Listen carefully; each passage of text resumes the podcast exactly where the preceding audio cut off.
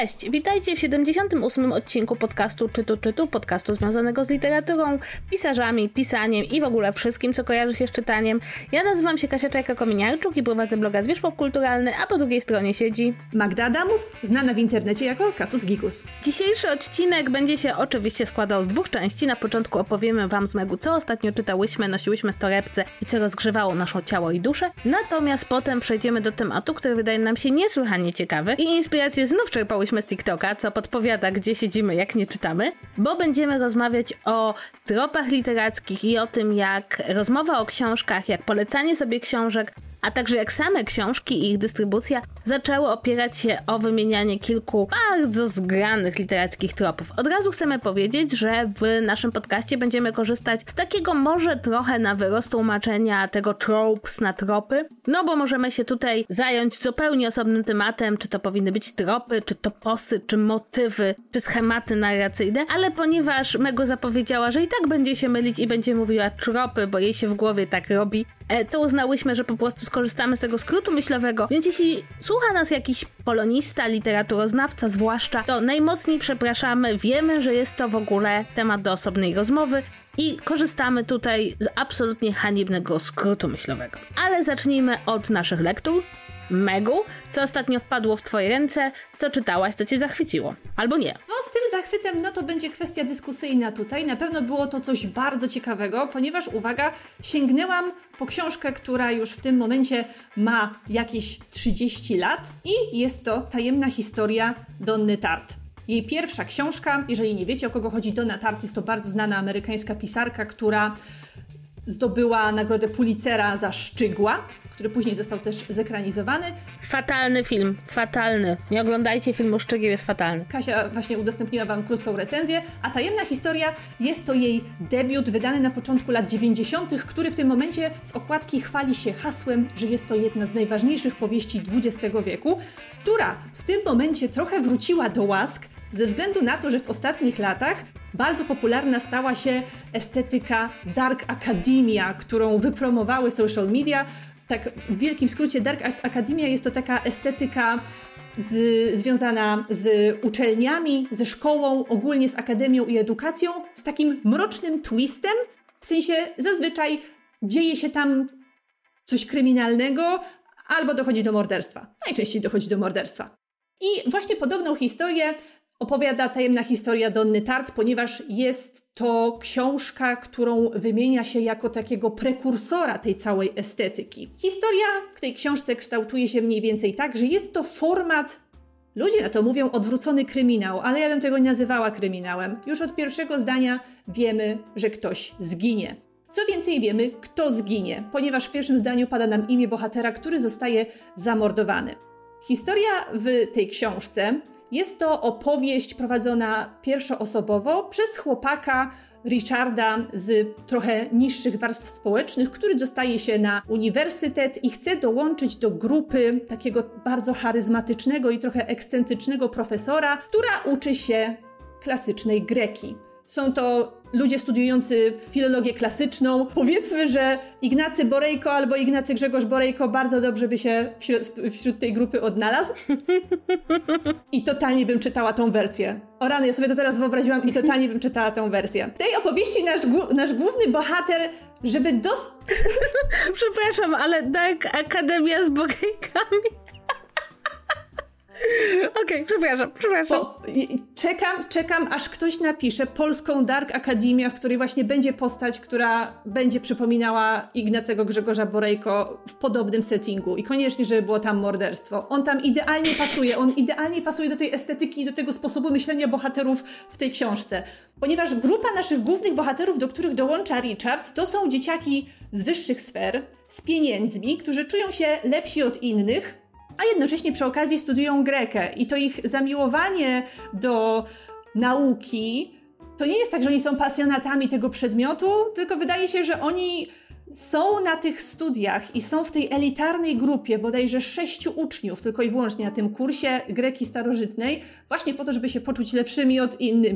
Właśnie po to, żeby się poczuć lepszymi od innych. Tak, tylko potem, ponieważ jest to Dark Academia, dochodzi do pewnych rzeczy strasznych. To znaczy, to, są, to, jest, to jest taka historia Bachanalia Gone Wrong. To jest taki Fire Festival Bachanaliów, ponieważ w pewnym momencie dochodzi do morderstwa. Oni kogoś mordują. I cała reszta tej książki to jest ich próba ukrycia tej zbrodni i coraz większe popadanie w paranoję, że ktoś ich prześladuje, zaraz ktoś odkryje ich tajemnice i to, jak oni się nakręcają, co doprowadza do kolejnych bardzo ciężkich wydarzeń. Nie chcę za dużo opowiadać, żeby nie zaspoilerować, chociaż tak naprawdę klucz tej historii jest już zawarte na okładce. Studenci popełniają morderstwo. Uprzywilejowani studenci, którzy w toku trwania narracji popadają w coraz większą przesadę i dopuszczają się coraz większych, jakby to powiedzieć, korzystają z używek, jest tam mnóstwo alkoholu, mnóstwo imprez, jakichś wybryków, y, ekscesów seksualnych, chodzenia po ekskluzywnych imprezach i wydawania mnóstwa kasy. I to jest taka książka, że ludzie są ją albo zachwyceni, albo bardzo rozczarowani, i ja myślę, że jestem gdzieś po środku, ponieważ czytając ją, trudno mi powiedzieć, jaki jest główny przekaz autorki. Nie jestem pewna, czy ona chce przed takimi ludźmi przestrzec, czy ona jest tymi ludźmi tak skrajnie zafascynowana i chce powiedzieć, że ci, którzy nie wiem, są bardziej inteligentni, ale albo mają mm, dostęp do większych środków, do większego kapitału kulturowego, że po prostu stać ich na więcej i mogą sobie na więcej pozwolić. Bo to jest tak, że czytasz tą książkę z takim ciągłym przeświadczeniem, przynajmniej ja tak miałam, że czytam książkę o paskudnych ludziach to nie jest żadne odkrycie. To jest książka o, o złych, uprzywilejowanych y, białych ludziach, którzy wyczyniają niesamowite rzeczy, a przy okazji wciąż nie dostrzegają swojej winy. I najfajniejsze są chyba sceny, najlepiej napisane moim zdaniem, kiedy wychodzi na jaw to ich totalne oderwanie od rzeczywistości, ponieważ oni sobie zdają sprawę z tego, że zabiliśmy, zabiliśmy człowieka to jest straszna rzecz, co zrobiliśmy, że zabiliśmy tego człowieka. Ale dla nas to jest w sumie na tyle wysoki dyskomfort i to jest takie podkreślane, że to jest rzecz w rodzaju dyskomfortu dla nich. Jest to usprawiedliwione, że próbujemy jakoś wykaraskać się z tej sytuacji, próbujemy zamieść to wszystko pod dywan i bardzo się staramy, żeby nas nie odkryto. Te postacie napisane właśnie w ten sposób, one są dla mnie niesamowicie fascynujące, chociaż przy, przy, przy okazji są obrzydliwymi ludźmi. To jak Donatart napisała te postacie, to jest, to jest niesamowite. Ta książka jest gruba. To jest moloch. Tą książką można kogoś zabić. Ona ma chyba 600 stron. najwięcej miejsca jest tam poświęcone najpierw na rozwój przyjaźni między tymi, między tymi dzieciakami, no bo to są ludzie około 20 roku życia. I później na rozwoju ich psychologii, tego jak oni się nakręcają, tego jak popadają w coraz większą przesadę, ale ci bohaterowie są napisani naprawdę w taki mięsisty, konkretny sposób, że wyglądają jak prawdziwi, żywi ludzie, chociaż wydają się nierealni przez to, czego się dopuścili. I pod tym względem książka mi się naprawdę niesamowicie podobała. Przez opis psychologii postaci, chociaż co jest ciekawe, każdego z tych bohaterów jestem w stanie sobie wyobrazić, bo oni są wszyscy bardzo dobrze opisani, również pod względem ich yy, nie tylko charakteru, ale też wyglądu, poza głównym bohaterem. Ja nie wiem, czy tam pojawia się chociaż ułamek opisu tego, jak wygląda główny bohater, i później każdy, kto tworzy fanarty, ponieważ wyobraź sobie, że ta książka napisana 30 lat temu ma mnóstwo fanartów w internecie, tworzy własną wersję tej postaci, jak, jak ona wyglądała. Każdy inny jest napisany, jest opisany bardzo szczegółowo i można z treści wyłonić to, jak on wygląda, poza Richardem. Nikt nie ma pojęcia, jak wygląda Richard. On jest jak po prostu jak taki blob, który, mo który może przemorfować w jakiegoś totalnie randomowego faceta. To mnie bardzo bawi, że wszystkich opisała tak szczegółowo, poza głównym bohaterem. Może to był zabieg celowy? Nie wiem, żeby człowiekowi było łatwiej się utożsamiać z tym naszym narratorem, ale jest to dla mnie bardzo ciekawe. Tak samo jak to, że kultowość tej książki wydaje się, że niesamowicie wzrosła w ostatnich latach razem z upowszechnieniem się tej estetyki i świadczą o tym te rzesze fanartów, które ja jestem w stanie znaleźć, kiedy wpiszę jej tytuł, ponieważ to się nie zdarza często, żeby pozycja uznawana za klasykę literatury była tak ofanartowana, bo młodzi ludzie zajmujący się produkcją fanartów raczej nie robią ich do, do, do czystej klasyki. Z drugiej strony powinno mnie to trochę niepokoić, że właśnie książka o takiej tematyce tak bardzo ich pociąga, że oni chcą te fanarty rysować. I to jest, to jest dla mnie strasznie ciekawe.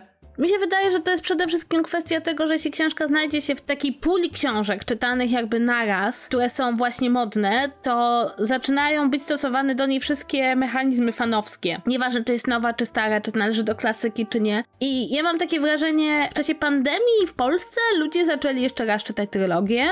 I nagle zaczęło się pojawiać mnóstwo fanartów do trylogii, mnóstwo. I takich fanfików, i takiego bardzo takiego właśnie fandomowego podejścia do trylogii, więc mam wrażenie, że to jest raczej kwestia tego, że jeśli coś wpadnie jakby w ten sposób recepcji, to nieważne od tematu, ludzie będą go przed, będą przetrawiali tą książkę w ten sam sposób. Więc myślę, że tutaj to nie jest kwestia tego, że ludzi pociąga mordowanie innych ludzi, tylko raczej, że ona wpadła w ten rodzaj recepcji. Mhm. Tym, w związku z tym w ten sposób jest odbierana i stąd się pojawiają te fanarty. A rzeczywiście to jest ciekawe i to jest moim zdaniem najbardziej fascynujące właśnie te powroty książek, nie? To znaczy, że już się wydaje, że zamknęliśmy temat, a tutaj nagle książka wraca i, i ma nowe życie. Kiedy ja czytałam o tej książce jeszcze zanim się za nią zabrałam, to widziałam tam dużo takich górnolotnych słów na temat tego, jaka ona jest intelektualna, jak ona mówi dużo o prawdzie życia, o pięknie, o różnego rodzaju estetykach, właśnie przez to, że oni są na elitarnym kierunku i mają bardzo charyzmatycznego mentora na,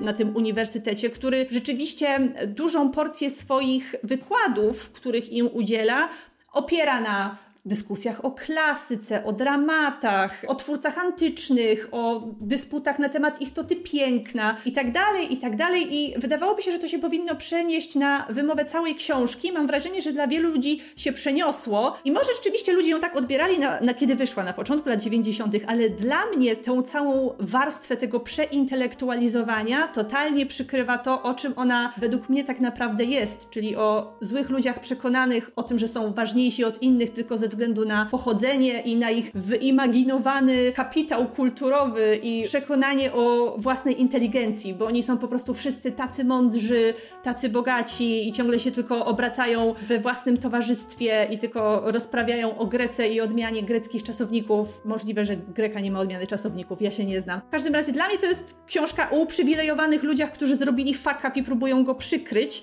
i to, w jaki oni sposób to robią, to jest najbardziej fascynujący element tego wszystkiego.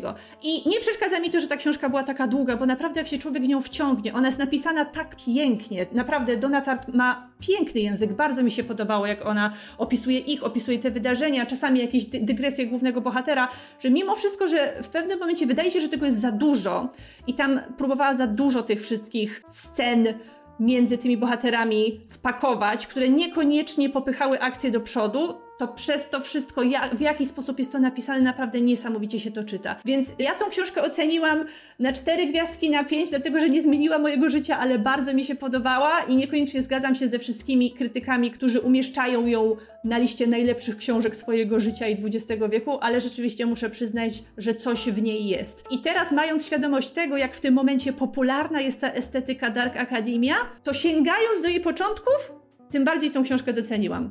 Było to bardzo, bardzo ciekawe. Dobrze, to teraz ja z książką po prostu tak daleko od tego, co tym ty mówiłaś, jak tylko się da. Wydaje mi się, że ja z moim autentyczną książką młodzieżową, którą kupiłam na dworcu, znajduje się na dokładnie przeciwległym spektrum od wybitna literatura, która ma zmienić twoje życie, książka, którą kupujesz, bo wsiadasz do pociągu.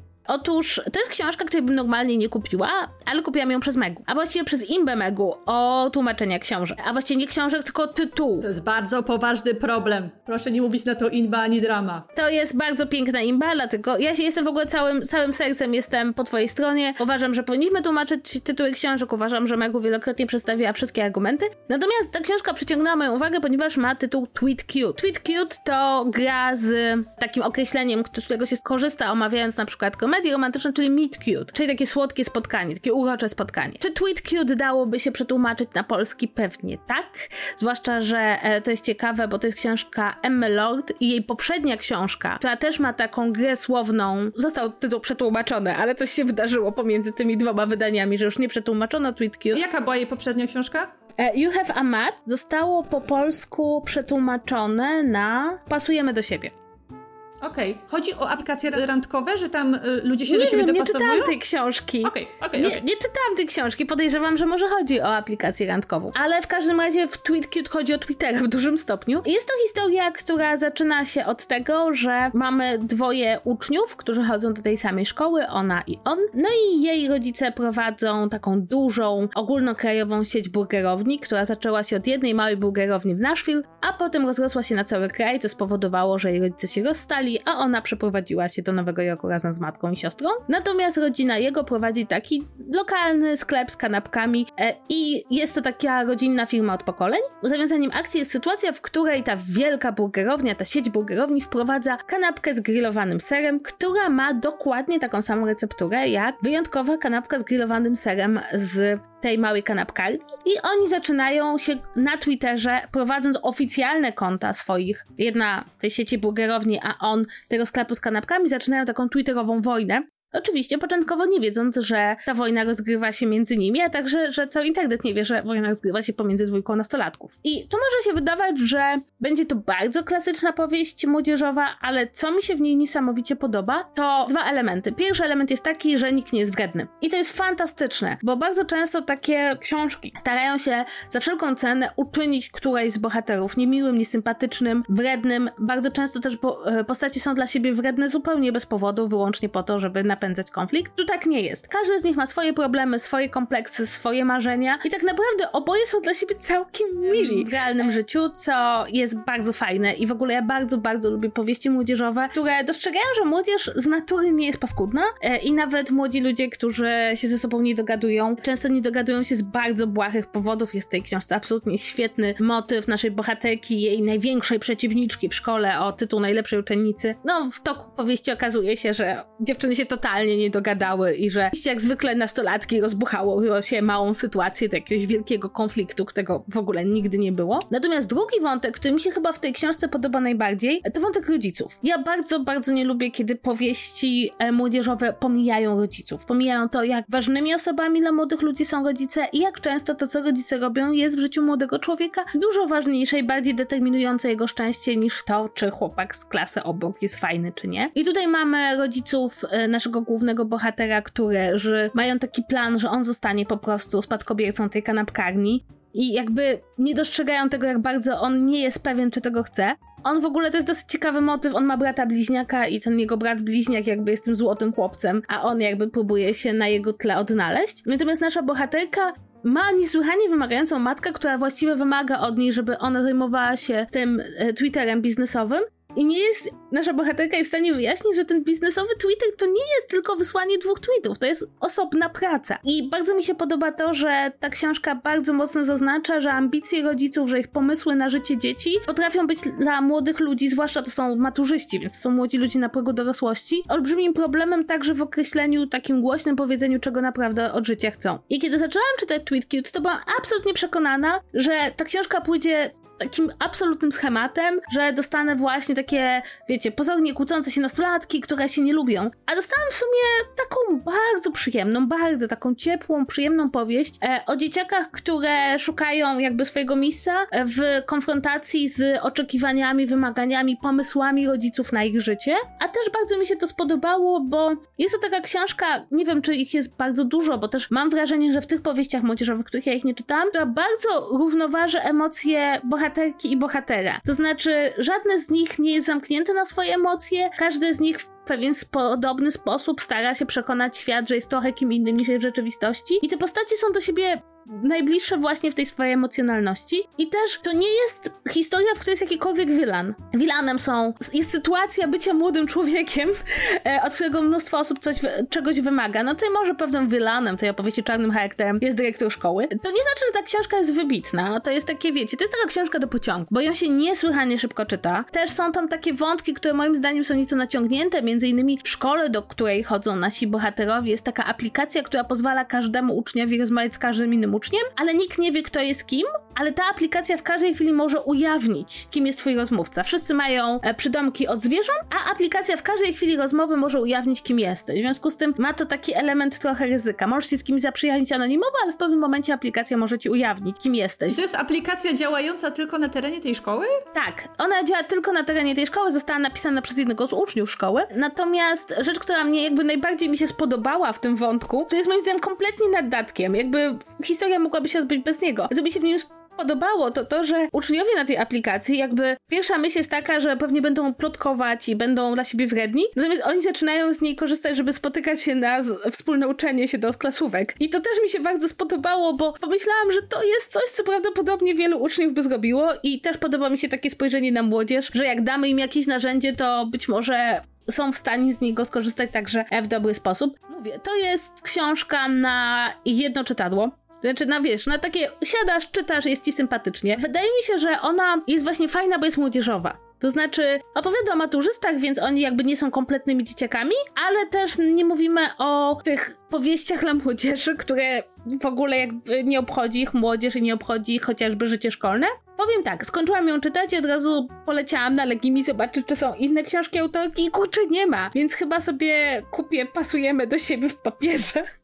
Bo to jest taki rodzaj książki, wiecie, no właśnie, czasem czytasz 600 stron wybitnej literatury, która ma zmienić twoje życie, a czasem chcesz po prostu książkę na jedno posiedzenie, a mam wrażenie, że to jest właśnie taka, bardzo dużo osób na jesieni szuka takiej literatury, wiesz, takiej przyjemnej, takiej bezpiecznej, to jest taka bardzo bezpieczna literatura, wiesz, że nic naprawdę złego się bohaterom nie może przydarzyć, więc to było całkiem miłe i też taka miła odskocznia, prawda, od różnych poważniejszych rzeczy, jakie się czyta. I wiesz, tak można się w tą książkę przyjemnie zanurzyć, więc bardzo polecam. I co więcej, wydaje mi się, że Gdybym miała powiedzieć, czy ta książka jest na przykład dobra dla młodzieży, tak? Czy to nie jest jedna z tych książek młodzieżowych, która zawiera treści niewłaściwe dla młodzieży, zdaniem części rodziców, albo zawiera takie treści, które mogą być, nie wiem, no zbyt dojrzałe, tak? No bo też nie chodzi tylko i wyłącznie o jakiś seks, ale czasem w takich książkach są jakieś dylematy, które są kompletnie z kosmosu dla młodego człowieka. Ale wydaje mi się, że ta książka spokojnie jakby dla, dla takiej drugiej połowy podstawówki spoko będzie, no bo teraz podstawówka ma 8 lat, prawda? Już nie ma gimnazjów, takie jesteśmy Jezu, stare. mamy rok? Zlikwidowali. Który mamy rok? Ile my mamy lat? Jesteśmy takie stare. Myśmy chodziły A do ja gimnazjum. czytam powieści młodzieżowe. Więc polecam, bardzo sympatyczna książka. Nie wiem, możecie nam w komentarzach napisać, jak, jak byście przetłumaczyli jej tytuł, gdyby ktoś was zmusił. To może być taki mały konkurs bez nagród. No to jest wyzwanie. To jest Duże wyzwanie, tak. To tutaj konkurs, w którym nagroda będzie satysfakcja, jeżeli uda się coś ciekawego wymyśleć. A i jeszcze to wydało wydawnictwo Young, wyda czyli to jest ten imprint wydawnictwa kobiecego, który wydaje młodzieżowe książki, który ostatnio całkiem fajnie trafia z książkami. Więc e, całkiem spoko jest to imprint. A ponieważ tutaj możemy gładko przejść, wydawnictwo Young i wydawnictwo kobiece wydaje dużo romansów i dużo literatury powiedzmy trochę lżejszej, to My właśnie mamy taki temat, który głównie dotyczy tej literatury lżejszej, a konkretnie głównie romansów, i to mamy nadzieję troszeczkę przeniosło się na inne gatunki. Ale zanim przejdziemy do rozmawiania o tropach i do rozmawiania o tropifikacji, to porozmawiamy sobie o tym, jakie są nasze ulubione tropy. Bardzo szybko i bardzo krótko. Jakie tropy lubimy w książkach, może być też w romansach, a jakich nie lubimy. Kasia, czas start. Ja bardzo, bardzo lubię trop, który w ogóle nie należy do literatury romansowej, należy do literatury głównie młodzieżowej, dziecięcej. Lubię bohaterów, którzy zostają pozbawieni wszystkiego, co mieli zdegradowani społecznie. Jest jakie to okrutne. Bardzo lubię ten trop. Im bardziej bohaterowie cierpią, tym bardziej to lubię. E, to chyba bo za wcześnie w swoim życiu przeczytałam małą księżniczkę, ale uwielbiam trop degradacji społecznej. Dziękuję. Bo moim ulubionym tropem ponieważ nie jestem kurna jakąś sadystką, Katarzyna ogarnij się. Jest, uwaga, slow burn, czyli coś, co mam wrażenie ostatnimi czasy w literaturze popularnej występuje coraz rzadziej na rzecz insta-love tak zwanego. Slow burn to jest uczucie, które rozwija się między bohaterami bardzo, bardzo długo, czasami na przestrzeni kilku książek. A ponieważ żyjemy w tym momencie w społeczeństwie żyjemy w społeczeństwie i świecie, które obiecuje nam bardzo szybką gratyfikację i przez to my jako jednostki też potrzebujemy tej szybkiej gratyfikacji w postaci szybkiej finalizacji naszego ulubionego wątku romantycznego, to jest tego coraz mniej i ludzie nie potrafią tego pisać, ale też czytelnicy nie za bardzo chcą o tym czytać. I to wszystko umarło na rzecz bardzo szybkiego nawiązywania się relacji, konsumowania tej relacji. Po prostu ludzie się trzymają za ręce na trzeciej stronie, na piątej już się całują, na dziesiątej idą do łóżka. Ja tego nie lubię. Ja lubię, jak uczucie się rozwija powoli, ponieważ dla mnie to jest o wiele bardziej wiarygodne psychologicznie i jestem w stanie bardziej skutecznie polubić bohaterów i uwierzyć w to uczucie, które ich łączy. I z kolei na drugim biegunie Trop, którego w tym momencie nie cierpię, ponieważ uważam, że jest totalnie wyeksploatowany w literaturze popularnej i jest wyeksploatowany źle. Nikt tego tropu nie rozumie. To jest enemies to lovers. To jest trop od wroga do ukochanego, do kochanka. Ponieważ czym dla mnie powinno być enemies to lovers, a czym jest w tym momencie enemies to lovers? Dla mnie enemies to lovers to jest przejście od rzeczywiście ludzi, którzy się nie znoszą, do ludzi, którzy się poznają, na przykład muszą ze sobą chociażby wbrew sobie spędzać o wiele więcej czasu, więc zaczynają rozumieć, że chyba troszeczkę źle patrzyli na tą drugą osobę. Od tego do ludzi, którzy się zaczynają ze sobą przyjaźnić, do, do ludzi, którzy zaczynają być swoimi najlepszymi przyjaciółmi na świecie i dopiero później zaczynają się sobie zakochiwać i zostają tą parą. Ale ponieważ nikt nie ma teraz czasu, żeby o tym czytać, nikt nie chce o tym pisać, ponieważ nikt nie, nie czeka na takie wątki, to w tym momencie mamy właśnie to enemies to lovers, które zaczyna się od ludzi, którzy rzekomo się nie znoszą i muszą się traktować albo bardzo, bardzo źle i bardzo, bardzo toksycznie, albo po prostu jest to nazywane enemies to lovers, tak naprawdę oni są ludźmi, którzy no krzywo raz na siebie spojrzeli, a potem się od razu sobie zakochali, więc to jest w tym momencie przeprowadzane błyskawicznie i oni się poznają, albo już od samego początku książki się znają i siebie nie znoszą, na 30 stronie zaczynają się w sobie zakochiwać i, i, już po prostu w połowie książki są razem. Nie znoszę tego. Nikt nie rozumie dobrego wątku enemies to lovers. To wszystko w tym momencie idzie za szybko. A, ale, ale poranciłam. Jakby jeśli mamy powiedzieć, jak powinno się rozwijać enemies to lovers, to przeczytajcie Dumy i Uprzedzenie, która nie jest bardzo długą książką, ale idealnie pokazuje właśnie, jak, jak, jak ten wątek powinien wyglądać. Jeśli chodzi o wątki, których ja nie lubię, to to są dwa, przy czym jeden jest po prostu zbyt często używany i to jest The Chosen One, czyli historia wybrańca, historia osoby, która jest niezwykła. Ja rozumiem, że to jest taki wątek, który może być dobrze zrobiony, może być słabiej zrobiony, natomiast jest tak wyeksploatowany, że po prostu kiedy dostajesz bohatera czy bohaterkę, to już wiesz, prawda, że to jest The Chosen One. I co więcej, ta druga bohatera, wielokrotnie opisywana, jest dosyć e, schematyczna, w związku z tym dostajemy bardzo często to samo non-stop. Natomiast kolejna rzecz, i to jest, to już nie chodzi o to, że to jest źle robiony wątek, ja go po prostu nie lubię personalnie, bo niekoniecznie to mnie obchodzi, to jest, kiedy pokazuje się nam jakiś świat u jego schyłku. I ja wiem, że to zabrzmi paranoicznie w kontekście rzeczy, które tu przywołujemy, ale dla mnie trochę ten, to jest ten element, którego ja nie lubię we Władcy Pierścieni. Znaczy, ten, który opowiada nam, że jesteśmy pod koniec jakiejś ery, to jest świat schyłku czegoś, coś się kończy, wielkie rzeczy są za nami i mamy świat, który ulega przemianom. Ja bardzo kocham, kiedy ktoś mnie wrzuca w świat, który w tym danym momencie nie ulega przemianom, ponieważ uważam, że napisanie świata przemian jest z jednej strony ciekawsze, oczywiście, bo dużo się rzeczy dzieje, to są zwykle wielkie procesy historyczne, magiczne, kosmologiczne, ale ja jako osoba, która bardzo kocha socjologię. Ja lubię, jak ktoś mi pokazuje jakiś świat, który trwa. I to fantazy bardzo jest popularny motyw, prawda? Tego przełomu er, przełomu światów, prawda? Coś się dzieje, jak przepo przepowiednie się spełniają, jest koniec jednego, coś się dopiero zacznie, tak? A ja właśnie lubię ten okres, kiedy jeszcze świat trwa w całości. To się trudniej pisze. I tutaj oczywiście nie mówię, że Tolkien źle cokolwiek napisał, bo on ten świat napisał od A do Z. Tylko jakby to jest taki mój mały element, którego nie lubię w światotwórstwie, kiedy mnie wrzuca się w koniec czasów. Ale to z kolei jest dowód na to, że to, że ja nie lubię jakiegoś tropu, czy to, że nie lubimy jakiegoś tropu, nie znaczy, że to są złe książki, które z niego korzystają, tak? Bo można, jakby Władca Pieśni jest wybitną książką, tak? Tylko ja wolałabym, żeby żeby dział się jakieś tysiąc lat wcześniej.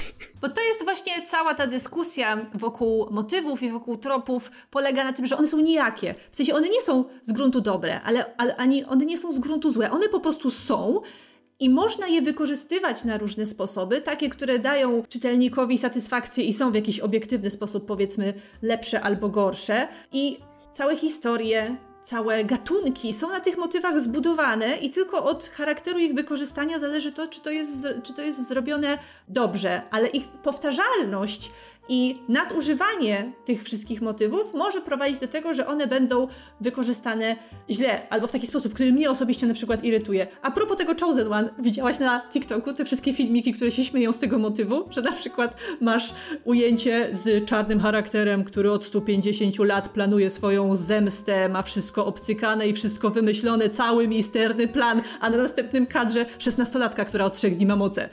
I ona go pokonuje.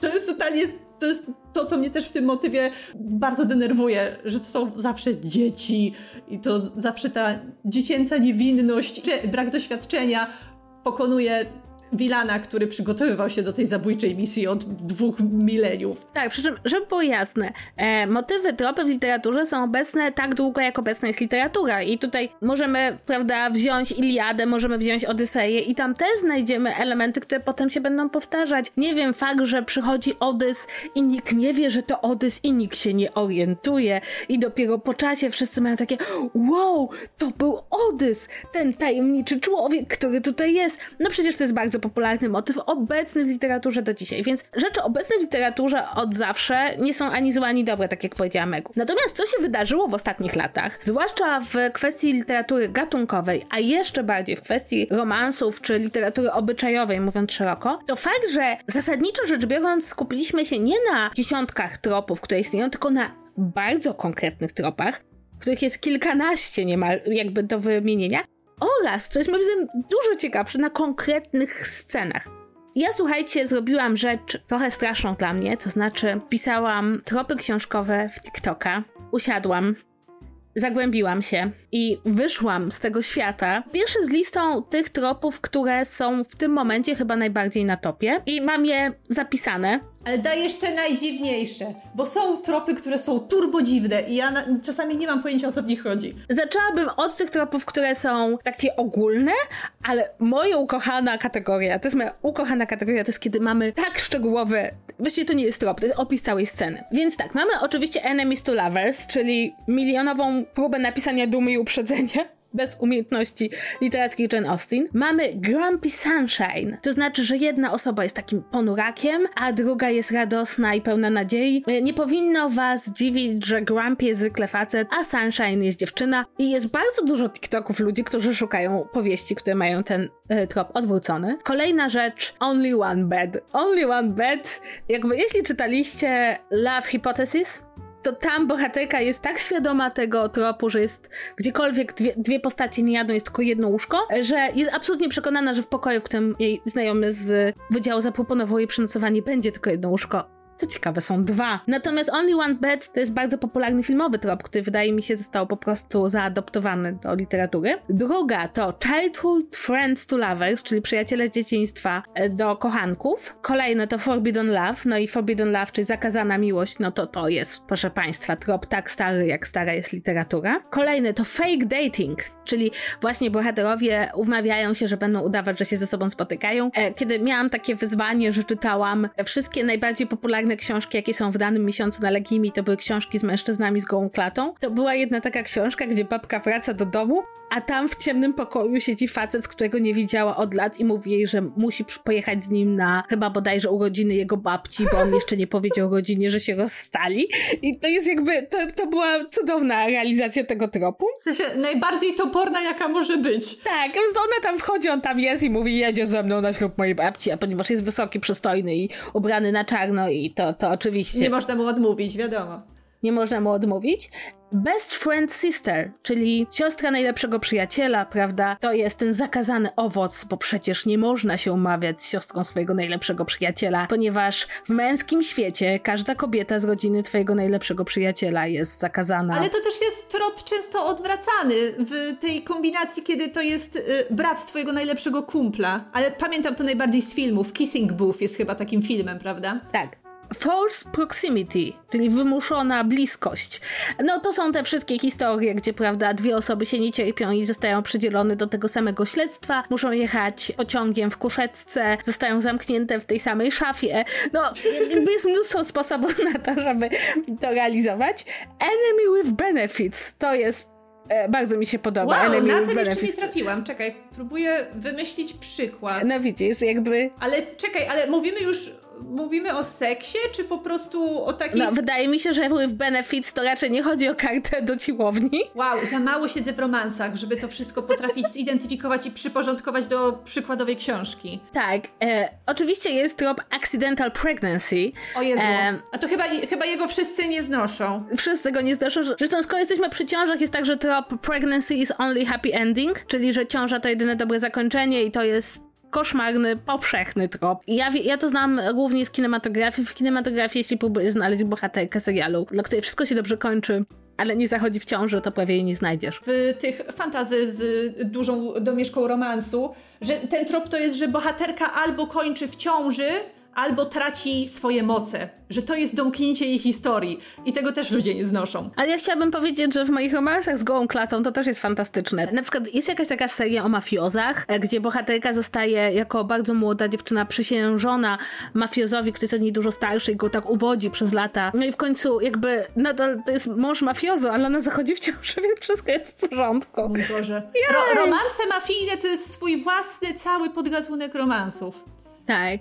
E, kolejne to jest Academic Rivals, czyli akademicy wrogowie, rywale. Ja w ogóle kocham to, że komuś się wydaje, że życie na uczelni jest tak ciekawe, że ktokolwiek ma czas, a na morderstwo. Ludzie.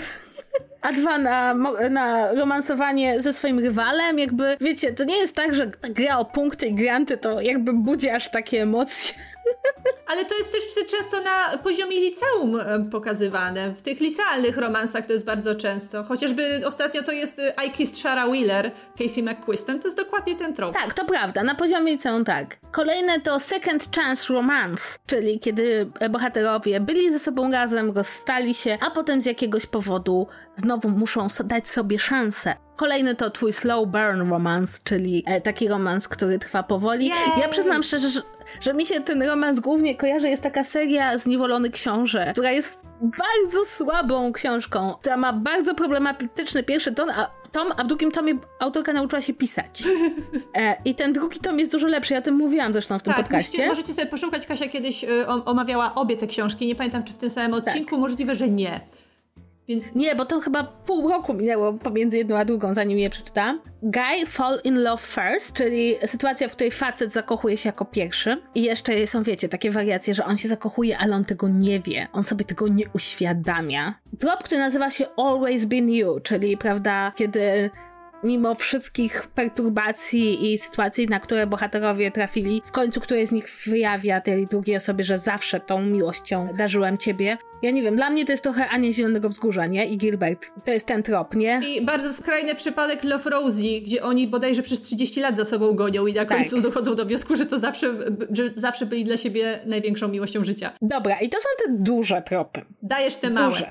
Natomiast to jest ostra jazda bez trzymanki, więc kiedy ona zostaje ranna, albo pobita, albo ma siniaka i stara się to ukryć przed nią, Kto ci ale to zrobił? on to odkrywa i pyta, kto ci to zrobił. I to jest po prostu Wiecie, to jest to taki... Who did this to you? Tak, who did... I, I, po prostu, że to jest taka najlepsza, najlepsza po prostu scena ever, prawda? Że ten mężczyzna jest taki męski, pyta, kto ci co zrobił, jeszcze dodaje, że go zabije. E, kolejna to, kiedy bohaterka czy bohater są ranni, albo odurzeni, albo nieprzytomni i mówią jakieś, prawda, rzeczy, których potem nie pamiętają, wstydzą się, albo wyjawiają jakieś uczucia, prawda? I ta druga osoba z takim półuśmiechem zwraca uwagę na to, prawda, że powiedz to kiedyś, jak będziesz trzeźwy, przytomny, jak nie będziesz będziesz umierać, prawda? Jak to się nazywa? To ma nazwę? Nie, to jest tak opisane, bo Aha. tu już jesteśmy w sytuacji, której okay. to jest tak opisywane. Takich bardzo specyficznych teraz mi się przypomina jeszcze Knives at Throats? Coś takiego? To jest następne, co mam na liście. Przepraszam bardzo, to ja o nim opowiem. To jest taka sytuacja, Nóż na gardle to jest też, ale to jest też związane z właśnie z tym enemies to lovers, że to jest sytuacja, w której bohaterowie tak bardzo się nienawidzą, że po prostu jednocześnie sobie przystawiają noże do gardła, bo ze sobą walczą, czy to jest jeszcze coś innego? To jest coś w tym stylu, to znaczy to jest bardzo różne opcje, bo to są też takie opcje, jak na przykład mieliśmy w książkach Holly Black, gdzie bohaterka przykładała nóż do gardła panu elfowi, ale ogólnie taka, jakakolwiek sytuacja, w której ktoś komuś przykłada nóż do gardła i jakby mamy tutaj wyznania czy dialogi, prawda, że oni muszą być bardzo blisko siebie, bo nie możesz daleko stać od kogoś i przykładać mu noże do gardła i prawda, wiecie, problem z tymi tropami jest taki, że one już nie są tropami, to są opisy konkretnych scen. Tak. To już jest jakby wydestylowanie. I teraz uwaga, a propos opisów konkretnych scen, znalazłam coś, co po prostu, jeśli uda mi się to przeczytać, to znaczy, że jestem wielka. Kiedy on całe życie nic nie mówi i jest niemy, ale widzi, że dziewczyna przestań, że dziewczyna jest na linii strzału, ale jest za daleko, żeby mógł do niej podbiec, więc musi krzyknąć jej imię. Co to za bzdura? Skąd to wzięła?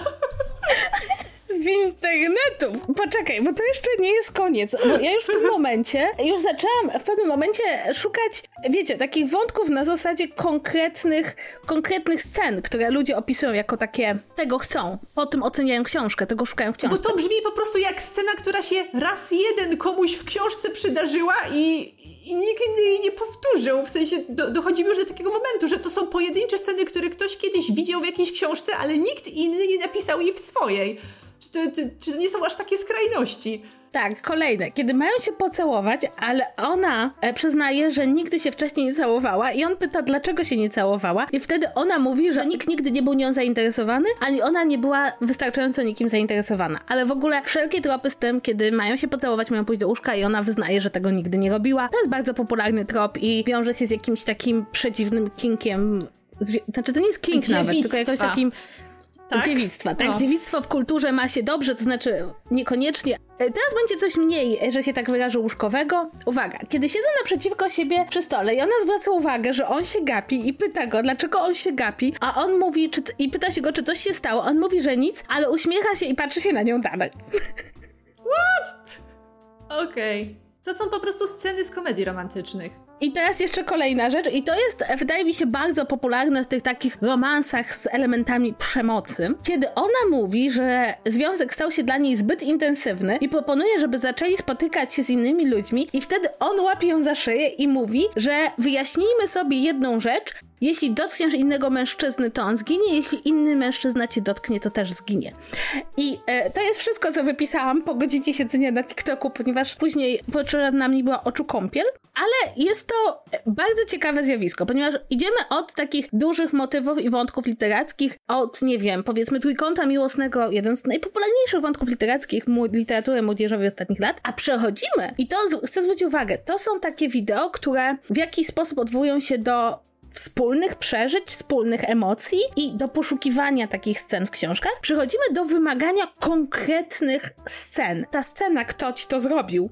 TikTok, na której ktoś opowiada tą scenę, ma chyba pół miliona lajków, więc nie mówimy tutaj o dziesięciu dziewczynach, które lubią tą scenę, tylko o jakby takim przejściu o krok dalej. Już nie szukamy konkretnych tropów, tylko szukamy bardzo konkretnych, bardzo schematycznych scen. Jedna z rzeczy, którą zauważyłam, e, kiedy robiłam ten mój research, to że Dużo osób mówi coś takiego, nieważne czy książka jest dobra, czy zła, czy lubi bohaterów, czy nie, jeśli będzie tam ta scena, ten motyw. I kolejna sprawa, i tutaj ty pewnie więcej powiesz, o tym, że to przechodzi z rozmawiania o tym na TikToku, bo też powiedzmy sobie szczerze, jak rozmawiamy sobie o tym, co lubimy w filmach, no to ja też na przykład uwielbiam, no już kompletnie zużytą w wszystkich rodzajach komedii romantycznych scenę, kiedy bohaterowie tak bardzo się kłócą, że już nie mają nic więcej sobie do powiedzenia i zaczynają się całować. Ja ją bardzo lubię. Ja wiem, że ta scena jest kompletnie zgrana, ale ją lubię i nie ma nic przeciwko temu, że lubimy jakieś sceny czy, czy jakieś wątki. Natomiast problem zaczyna się wtedy, kiedy przestajemy reklamować treść książki, a zaczynamy reklamować obecność tropów.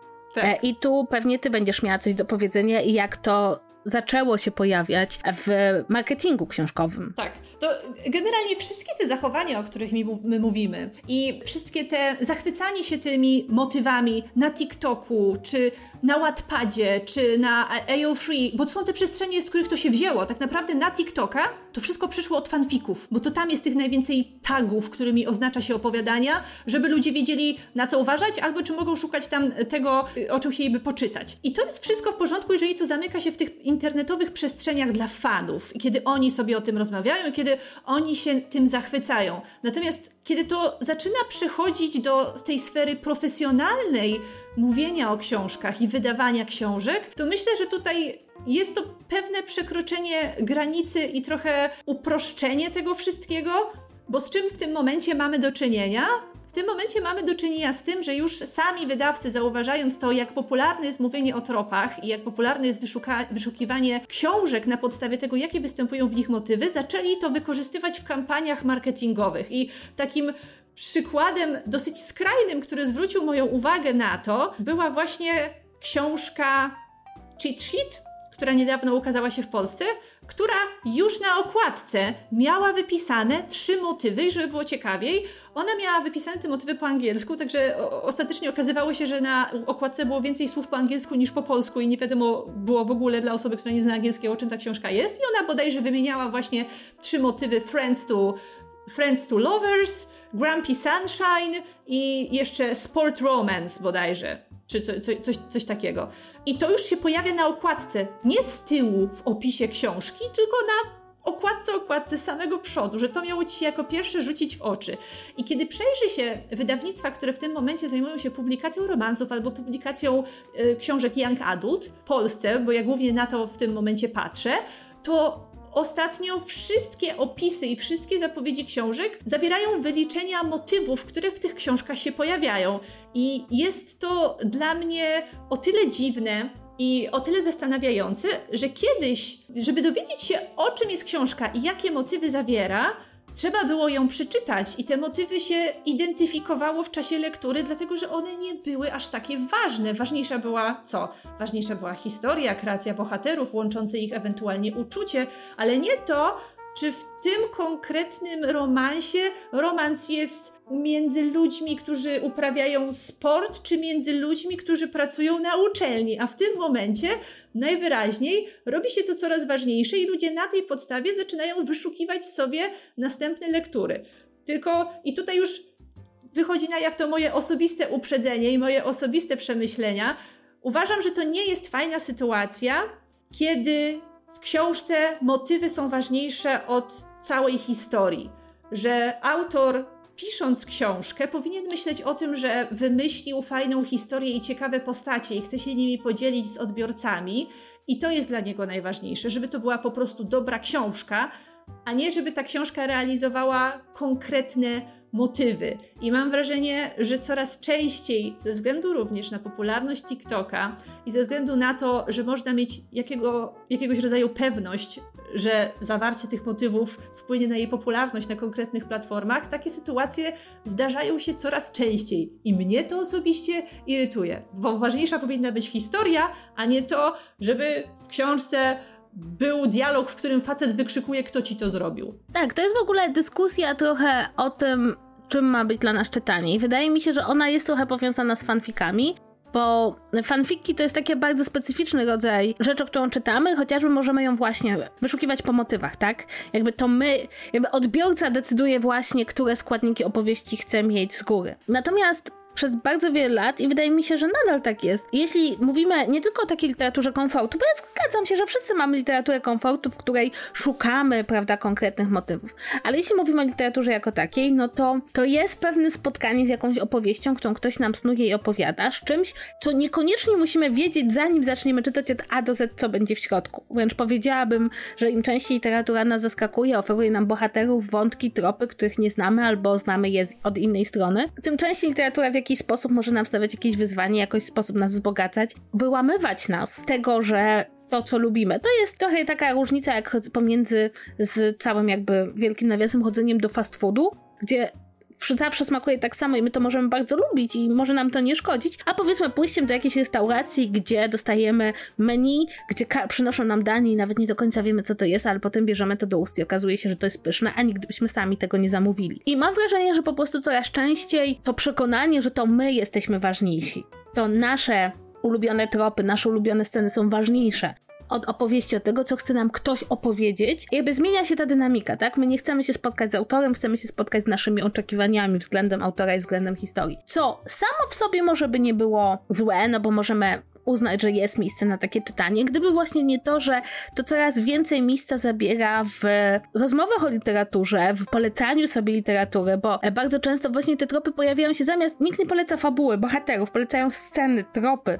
A do tego wszystkiego jeszcze e, widziałam właśnie trochę takich autorów na TikToku, którzy mówili, kup moją książkę, bo w niej będzie ten trop, ten trop, ten to trop. Nie jest, to nie jest kilku autorów, to jest w tym momencie cała strategia promowania swoich książek na TikToku, że promujesz je na podstawie motywów bo to jest szybsze, można do tego łatwiej, do, nie wiem, dopasować obrazki do tych filmików czy, czy, czy coś takiego, a nie próbujesz książki tym, jaką opowiada historię. No, jeżeli słyszeliście dramę o Alex Aster, to wiecie o co mi chodzi, bo to jest dziewczyna, która właśnie troszeczkę na tym się wyrypała, bo potem się okazało, że ta jej książka niekoniecznie zawiera w sobie te wszystkie motywy, którymi ona reklamowała tę książkę. Tak, zresztą powiedzmy, weźmiemy Dumę i Uprzedzenie, która ma klasyczny wątek enemies to lovers, tak? To nie jest książka o tym. To jest książka o niesprawiedliwym prawie dziedziczenia.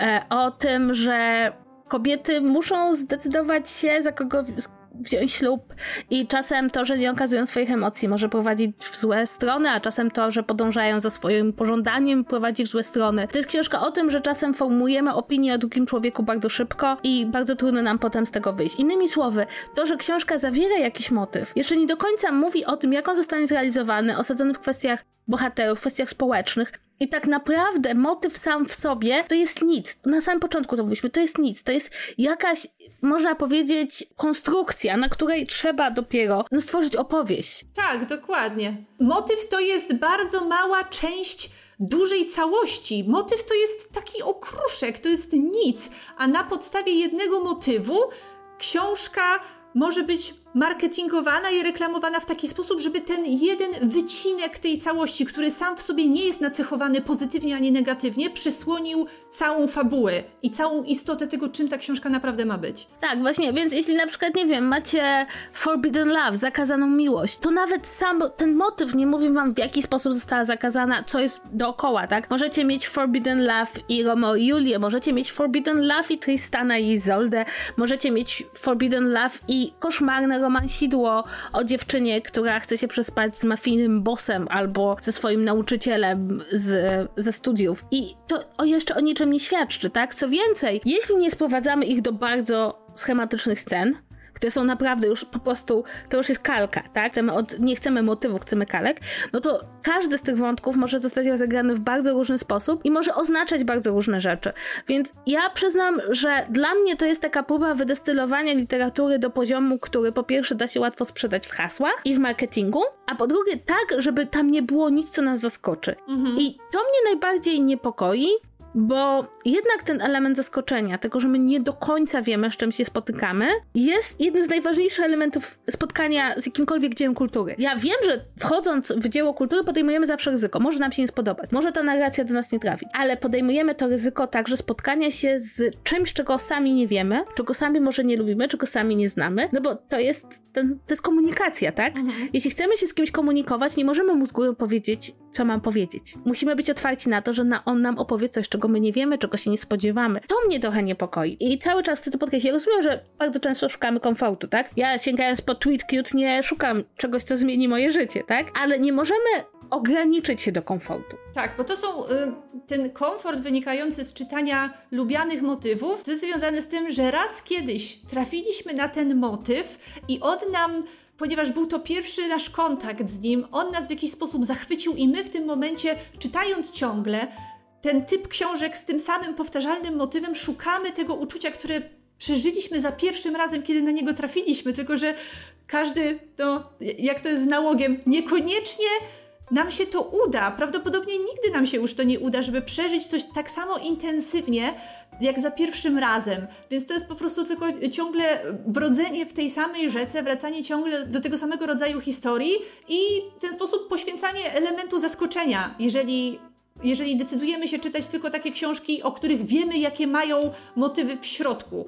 Idzie wszystko kosztem tego, żeby pozwolić siebie zaskoczyć przez autora. Ja mam jeszcze jedną uwagę, że gdybyśmy wzięli to, co wam wypisałam i próbowali stworzyć książkę złożoną wyłącznie z takich scen, to to wcale nie byłoby przyjemne. Bo jeśli one nie wynikają organicznie z narracji, jeśli co chwilę wracasz do sceny, którą już znasz, no to przecież to jest koszmar. Tak, to musi być jakoś zręcznie połączone. Jedno musi wynikać z drugiego i to wszystko musi mieć sens. A jeżeli to się tylko wrzuca w tą książkę na zasadzie tego, że mam kociołek i wrzucam do niego kolejne popularne w internecie motywy, dlatego że one się sprzedadzą, to jeżeli ja nie jestem dobrym pisarzem i nie potrafię tego jakoś sensownie skleić, to z tego wyjdzie sieczka. To w ogóle nie będzie ciekawe. To nie będzie w ogóle dobre. A w taką stronę w tym momencie mam wrażenie idzie ten internetowy marketing książek. I to zachęca autorów do tego, żeby właśnie takie książki pisali pod ko konkretne hasełka, pod ko konkretne hasła kluczowe wyszukiwania na TikToku,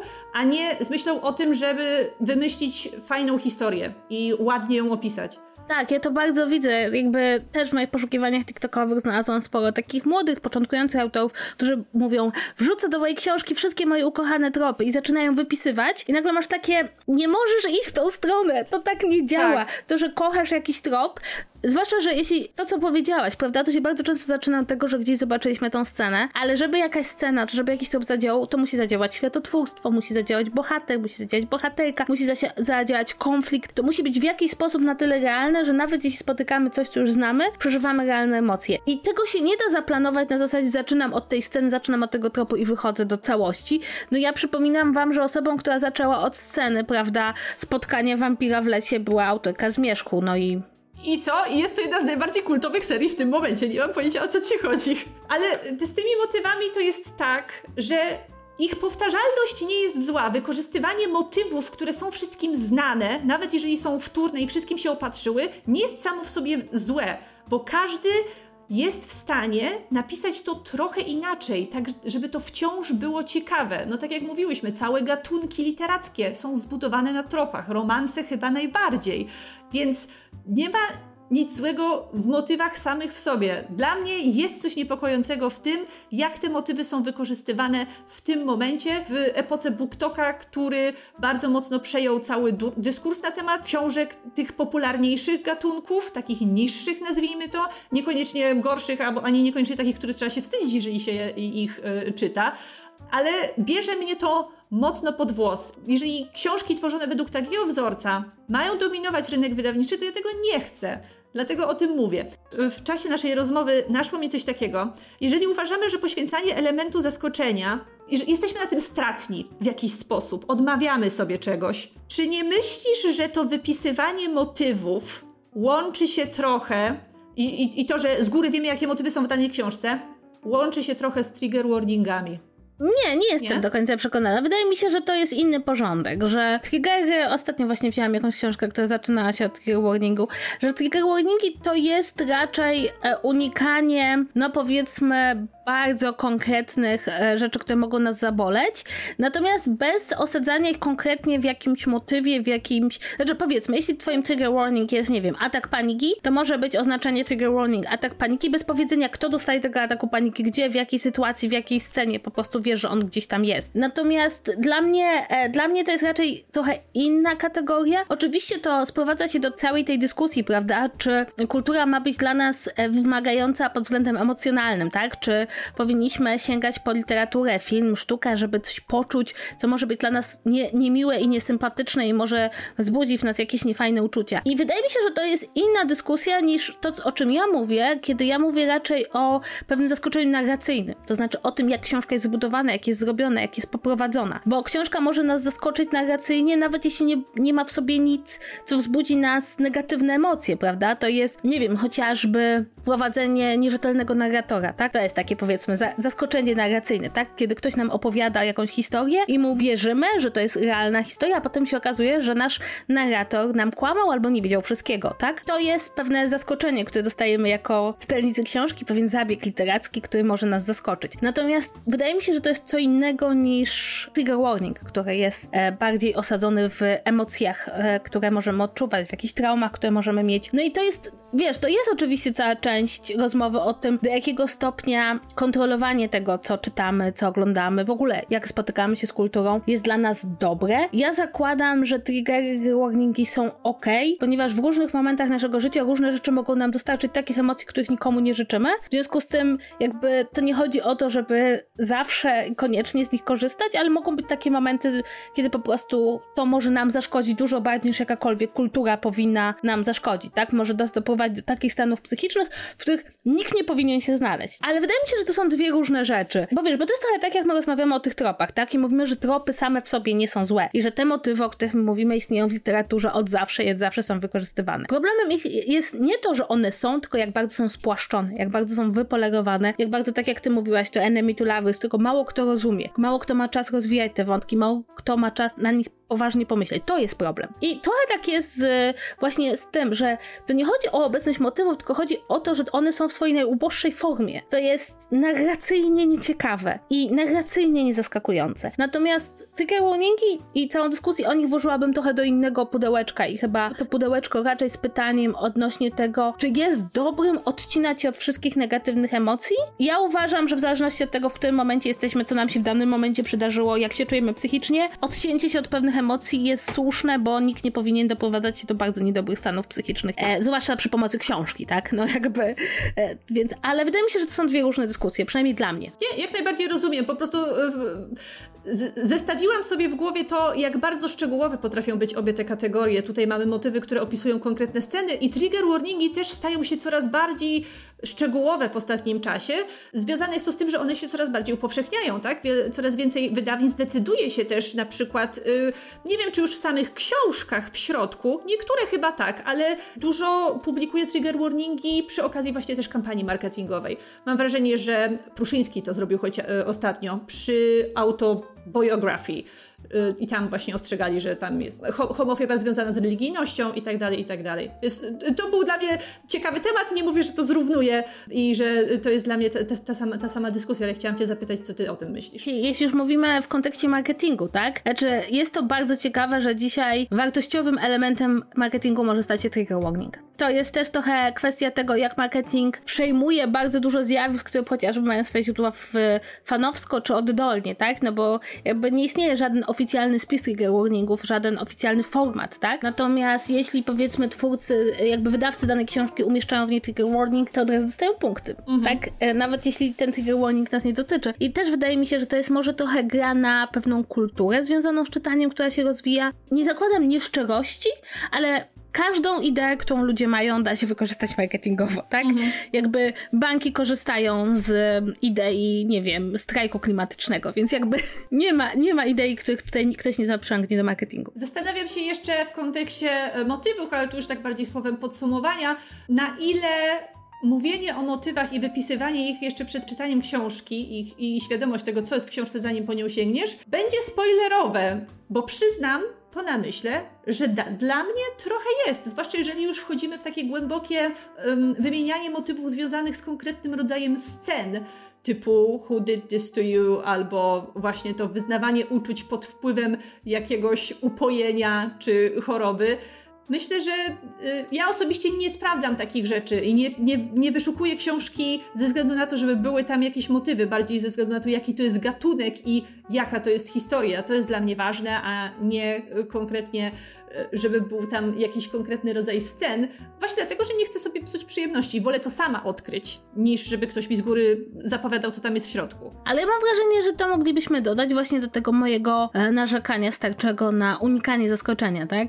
To znaczy, ja nie chcę, żeby książka zawierała element zaskoczenia, chcę, żeby w książce było dokładnie to, co chcę, żeby było w książce. W związku z tym, tak, to jest spoiler, tylko że właśnie o to chodzi, żeby tam nie było elementu, który może mnie w jakiś sposób zaskoczyć. W związku z tym, jakby dla mnie na przykład, e, nawet jeśli lubię jakieś motywy, to ten element pewnego zaskoczenia, że nie wiem do końca jak on zostanie poprowadzony, czy jak się rozwinie, czy że muszę go sama rozpoznać, bo to też jest mhm. ciekawe, prawda? Jednym z elementów, których nas uczyli w szkole było rozpoznawanie motywów i tropów literackich, a tutaj jakby ktoś tego zrobi na wstępie za nas. I, I tak, i wydaje mi się, że to jest jakaś ucieczka przed zaskoczeniem, które może przynieść literatura. I zastanawiam się, z czego ona się bierze, bo mam wrażenie, że to jest jakieś takie powszechniejsze zjawisko, które dotyczy nie tylko literatury, całej kultury, jakiegoś tego strachu przed, przed niewiadomą. I nie wiem skąd to się bierze. Na pewno są jacyś antropologowie, kulturoznawcy, literaturoznawcy, którzy umieją wyjaśnić to zjawisko, na przykład, nie wiem, mogą powiedzieć, że czasy są takie, że fakt, że jeszcze nie wiemy do tego wszystkiego, co jest w książkach, może nas dobić, albo że w jakiś sposób właśnie to jest jakieś szukanie komfortu i bezpieczeństwa. Moich rozmów z moimi obserwatorami na Instagramie wynika, że są osoby, które preferują taki model dobo doboru lektury właśnie dlatego,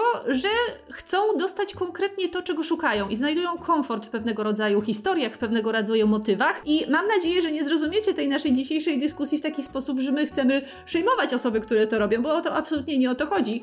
Chciałyśmy poprowadzić dyskusję na ciekawy temat, który ostatnio nas zainteresował, ale jeżeli preferujecie właśnie taki sposób wybierania sobie książek do listy, to każdemu jego porno, jak to się mówi. Ja bym w ogóle odróżniła, i to jest bardzo ważne, sposób, w jaki jednostka dobiera sobie książki, które nawet jeśli ja mogę ich nie podzielać tej preferencji, to to jest kwestia jednostki. A tym, jak to wpływa na rynek. Mhm co dotyczy nas wszystkich.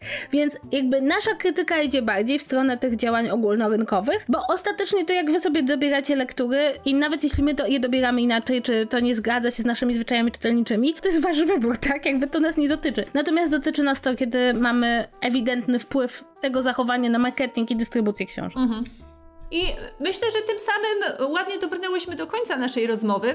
Cieszę się, że o tym porozmawiałyśmy, bo od dłuższego czasu strasznie dręczył mnie ten temat. Im dłużej się siedzi na BookToku, mam wrażenie, że tym bardziej się to zauważa, że takie zjawisko w ogóle zachodzi. Więc yy, fajnie było o tym porozmawiać i mamy nadzieję, że nasza dyskusja też Was w jakiś sposób zaciekawiła i zapoznała Was z różnymi dziwnymi motywami, jakie w tym momencie identyfikuje się w książkach. Ja w ogóle mam wrażenie, że powinien być osobny podcast polegający na tym, że ja tylko czytam konkretne sceny i tropy.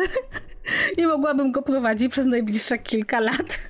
Tylko musiałabym się przestać śmiać w połowie. Albo wyobraź sobie taką grę memory, że odkrywasz opis sceny i odkrywasz nazwę tego tropu i trzeba to do siebie dopasować. Może ktoś zrobiłby takie memory dla książkar. To myślę, że to by się sprzedawało. Słuchaj, ale może powinniśmy coś takiego zaprojektować, wiesz, telefon do rebela i książkary memory. Signed by Czytu Czytu.